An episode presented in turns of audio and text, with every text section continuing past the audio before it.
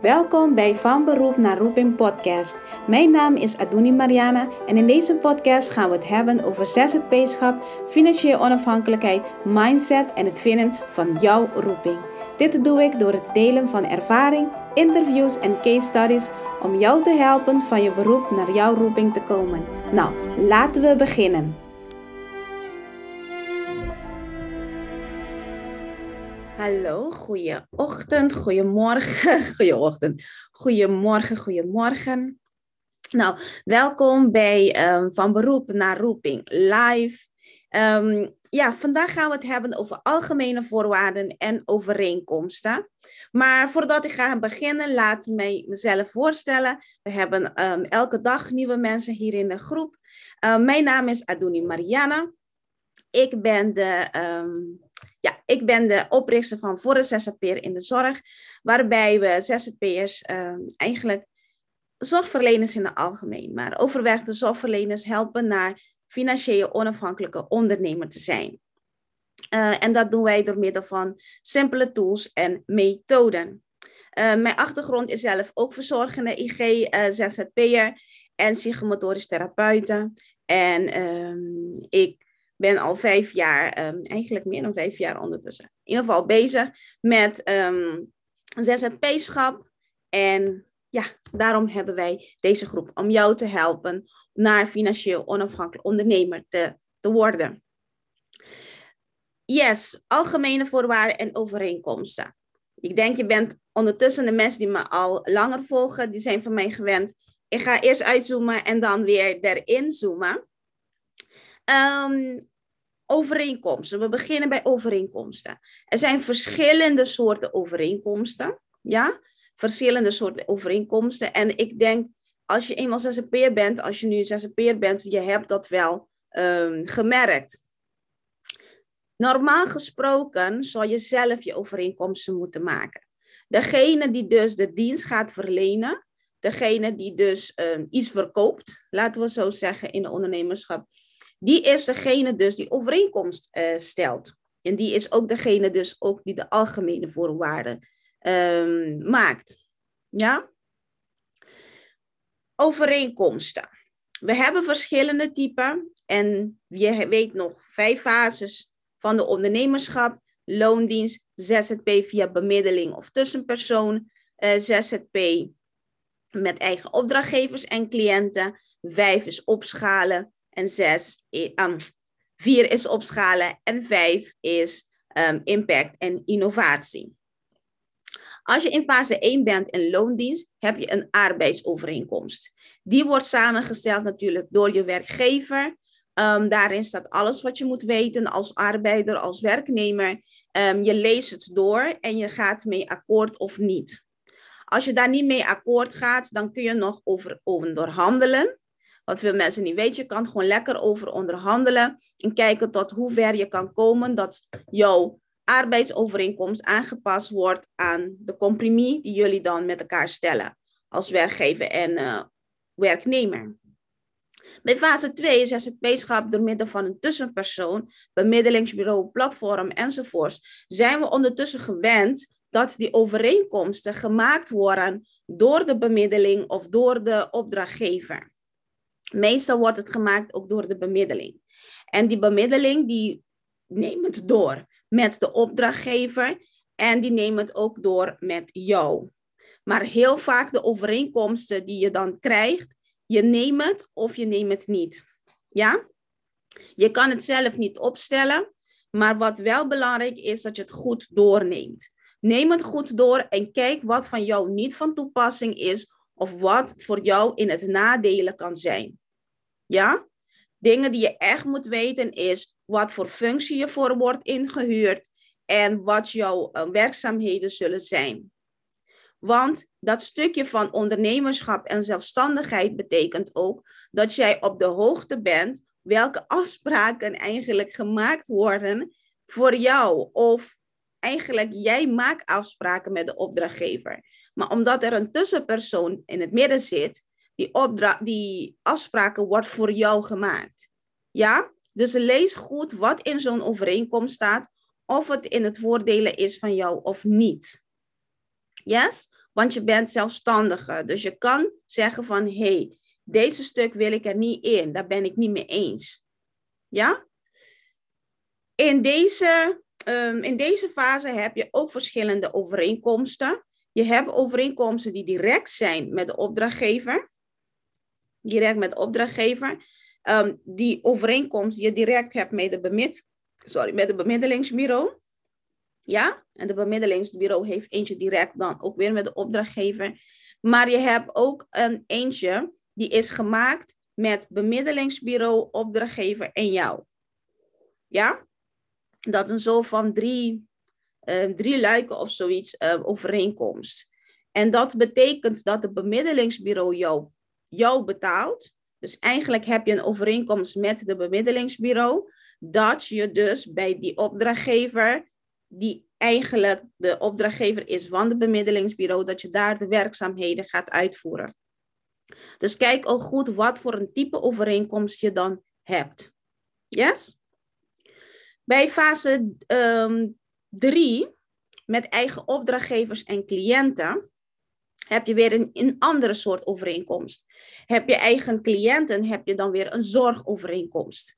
En bij die zorgovereenkomst heeft het dan ook te maken of je dan een. Um, oh ja, ik ben vergeten te zeggen. Met een opdrachtgever heb je meestal een overeenkomst. Um, hoe is het? Over. Overeenkomst voor op, um, opdracht. Ja, overeenkomst voor opdracht.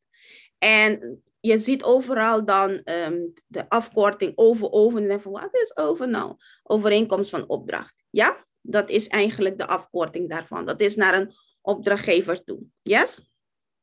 Even terug naar um, de fase 3. Dan ben je met cliënten bezig en dan heb je dan een zorgovereenkomst. Nou, de zorgovereenkomst kan ook verschillend zijn, want het hangt vanaf in wat voor potje wie jou betaalt. Want als je de PGB hebt, bijvoorbeeld PGB-cliënten met een WLZ, die hebben een zorgovereenkomst die eigenlijk al is gemaakt door SVB. Die hebben een modelovereenkomst. De contactpersoon, budgethouder, die heeft dan die modelovereenkomst. Die vullen jullie dan samen in, onderteken je en dan heb je dan die overeenkomst. De betalingen worden daarna gedaan door de SVB zelf. Yes? Daarnaast, ja, daarnaast heb je dan ook die bijvoorbeeld met de opdrachtgevers. Dat is niet veel verschillend van uh, fase 2, maar wel als jij direct met opdrachtgevers werkt, dan zou het wel fijn zijn als jij ook een eigen overeenkomst zou hebben. Heel vaak instellingen die met, uh, los met ZZP'ers werken, die hebben ook hun eigen overeenkomsten en willen dat je hun overeenkomst dan ondertekent. Een paar redenen waarom ze dit hebben. Eentje daarvan is om zichzelf te dekken ten opzichte van de Belastingdienst. Van als de Belastingdienst komt, dat zij weten dat zij de goede overeenkomst hebben, die klopt met wat de Belastingdienst wil. En als er iets gebeurt, dat jij dan um, voor bepaalde dingen aansprakelijk bent, um, aansprakelijk bent en dat er niet dingen verhaald kan worden op hun. Dus dan moet je ook heel goed lezen, die overeenkomsten, om te kijken welke risico's jij loopt wanneer je toestemt, instemt met die overeenkomst. Yes? Oké. Ehm, dus ja, eigenlijk zit het bijna zo van wie betaalt, bepaalt. Um, en dan geldt het ook een beetje voor de overeenkomst. Maar in het algemeen moet jij wel een soort van modelovereenkomst hebben voor jezelf. Voor in het geval dat er geen overeenkomsten zijn. Of je, dus of je mag je eigen overeenkomsten gebruiken. Yes? Um, fase 4 heb jij zelf overeenkomsten, maar je hebt niet alleen overeenkomsten met de cliënt of opdrachtgever, maar dan heb je ook overeenkomst met onderaannemers. Ja? Of met personeel. Maar we praten nu natuurlijk over ZZP'ers in de zorg, ja, als eenmanszaak. Maar eenmanszaak kan je ook personeel hebben en je kan ook onderaannemers hebben. Yes? Dus dan heb je dan met opschalen, heb je dan te maken ook weer met anderen die voor jou werken of die namens jou werken. Ja, dus daar moet je ook een overeenkomst mee hebben. Wat de eisen zijn daaraan, staat ook in de WKKGZ die verplicht is per 1 juli. Ehm, maar dat is dan voor een stukje opschalen. Yes? Een impact en innovatie is weer een, een andere een koek. Maar laten we houden nou in de fases 2, 3 en 4. Algemene voorwaarden. Algemene voorwaarden is meestal vraagt niemand ernaar. Niemand vraagt naar je algemene voorwaarden, maar het is wel een verantwoordelijkheid die jij hebt voor jouw onderneming. Want in je algemene voorwaarden heb je dan staan dingen die dan belangrijk zijn voor jouw onderneming. En dan hoor ik vaak, Adoni, laat mij een algemene voorwaarde zien. Ik laat het ook zien. In de cursus of in onze databank Eerste Hulp bij Ondernemen zie je ook mijn eigen algemene voorwaarden. Ja, zie je ook mijn algemene voorwaarden en waarom, ik leg het ook uit waarom ik het zo heb gedaan. Maar algemene voorwaarden is iets wel Ehm, dat klopt bij de onderneming. En algemene voorwaarden is pas ook geldig als de andere partij, de tegenpartij, eh, de klant, cliënt, um, opdrachtgever, van tevoren de algemene voorwaarden heeft, ook heeft kunnen zien.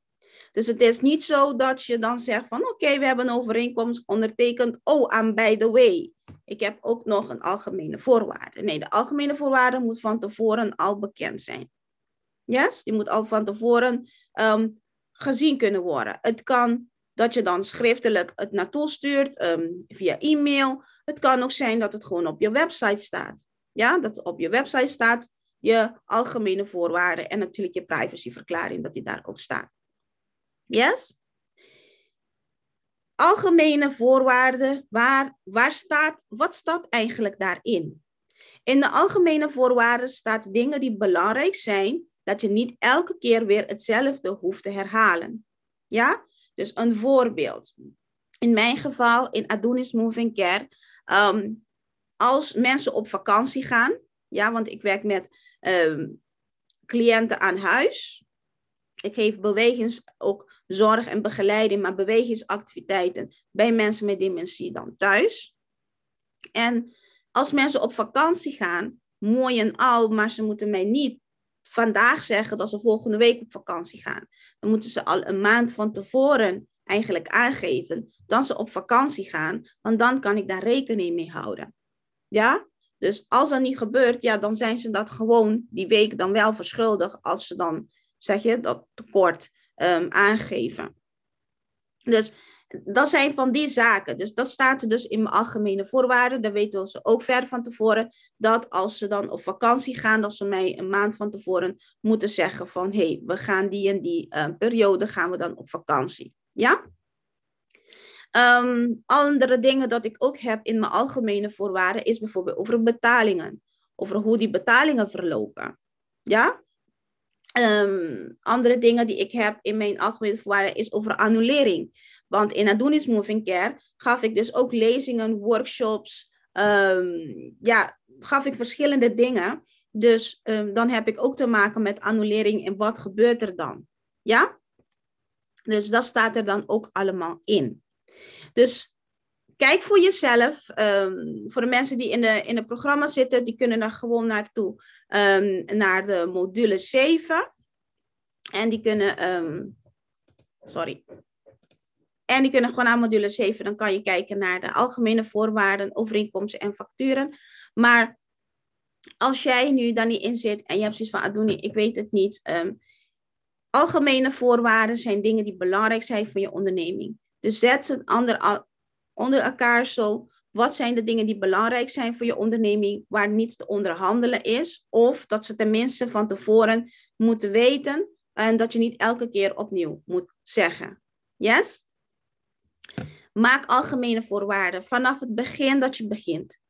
Ja, vanaf wanneer je begint, maak je algemene voorwaarden en het kan veranderen. Het kan veranderen. Wat je nu hebt gemaakt, hoeft niet meteen te zijn van oké, ehm, ja, het is forever zo, oh jee, wat doe ik nou? Nee, je kan het veranderen.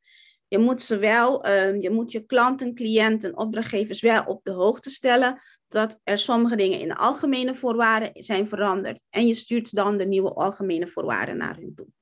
Yes? Al werken via tussenpersonen zo, je kan altijd je eigen algemene voorwaarden toevoegen en je algemene voorwaarden ook um, kenbaar maken. Ja, dat dat ook meegenomen wordt in de onderhandelingen en meegenomen wordt in, uh, ja, met overeenkomsten en alles. Yes? Ik hoop dat dit um, waardevol is geweest voor jou. Um, heb je vragen, kan je ze altijd stellen. Um, je kan direct berichten naar mij naar m.me schuine streep aduni.mariana. Ik zal dadelijk hieronder uh, het opschrijven. Dan kan, kunnen wij in direct met contact met elkaar. We hebben een workshop die aankomt 22 maart tot en met 28 maart. Dat is de, um, het pad naar financiële onafhankelijkheid en vrijheid. En daarin gaan we echt uitstippelen hoe het, het pad voor jou dan uitziet. Als je je aanmeldt, krijg je meteen je werkboek in jouw e-mail. En die werkboek, als je dan alles uitwerkt, is dan ook meteen je routeplanner naar financiële onafhankelijkheid en vrijheid. Yes? Tijdens deze week kan je ook begeleiding van ons verwachten, van mij en Anouska verwachten. Waarbij wij dus een beetje meer maatwerk voor jou kunnen leveren. Want we weten, niet iedereen heeft dezelfde situatie. Dus tijdens de workshop zal je misschien met vragen komen. En dan heb je van, ja, maar ik heb het zo. En hoe zit dat dan voor mij? Dan kan je gewoon met ons in gesprek. Yes? Ik zou heel graag willen dat je daaraan meedoet. Als je dan niet kan, je zegt van Adoen, ik ben zo super druk. Ik kan niet van 22 tot 28 maart. En sowieso niet om 10 uur s ochtends. Geen probleem. Meld je toch aan. Want je krijgt in je mail dan ook elke dag de herhaling, samenvatting en huiswerk. Krijg je dan van uh, de workshop. En soms hebben we ook wat extra's um, die we dan geven. En elke keer is het weer anders. We hebben deze workshop al eerder gedaan. Uh, voor de mensen die dan uh, dus voor de tweede keer uh, misschien mee, weer mee willen doen. Maar die denken van, is hetzelfde als vorige keer? Nee, ik heb weer dingen veranderd. Dus um, kom maar binnen en dan um, gaan we dan lekker weer bezig met jouw toekomst. Yes? Nou. Um, oh ja, en wil je een gesprek met mij? Wil je een oriëntatiegesprek om te kijken van oké, hier sta je nou. Um, waar wil je naartoe? En wat is je meest logische volgende stap? Um, maak dan ook een oriëntatiegesprek. Het is gratis. Kan je een oriëntatiegesprek aanvragen. En dan gaan we kijken wat is je meest logische volgende stap. Oké? Al deze links zet ik hier onder deze video. En um, ja, tot volgende week weer bij Van Beroep naar Roeping live. Doeg!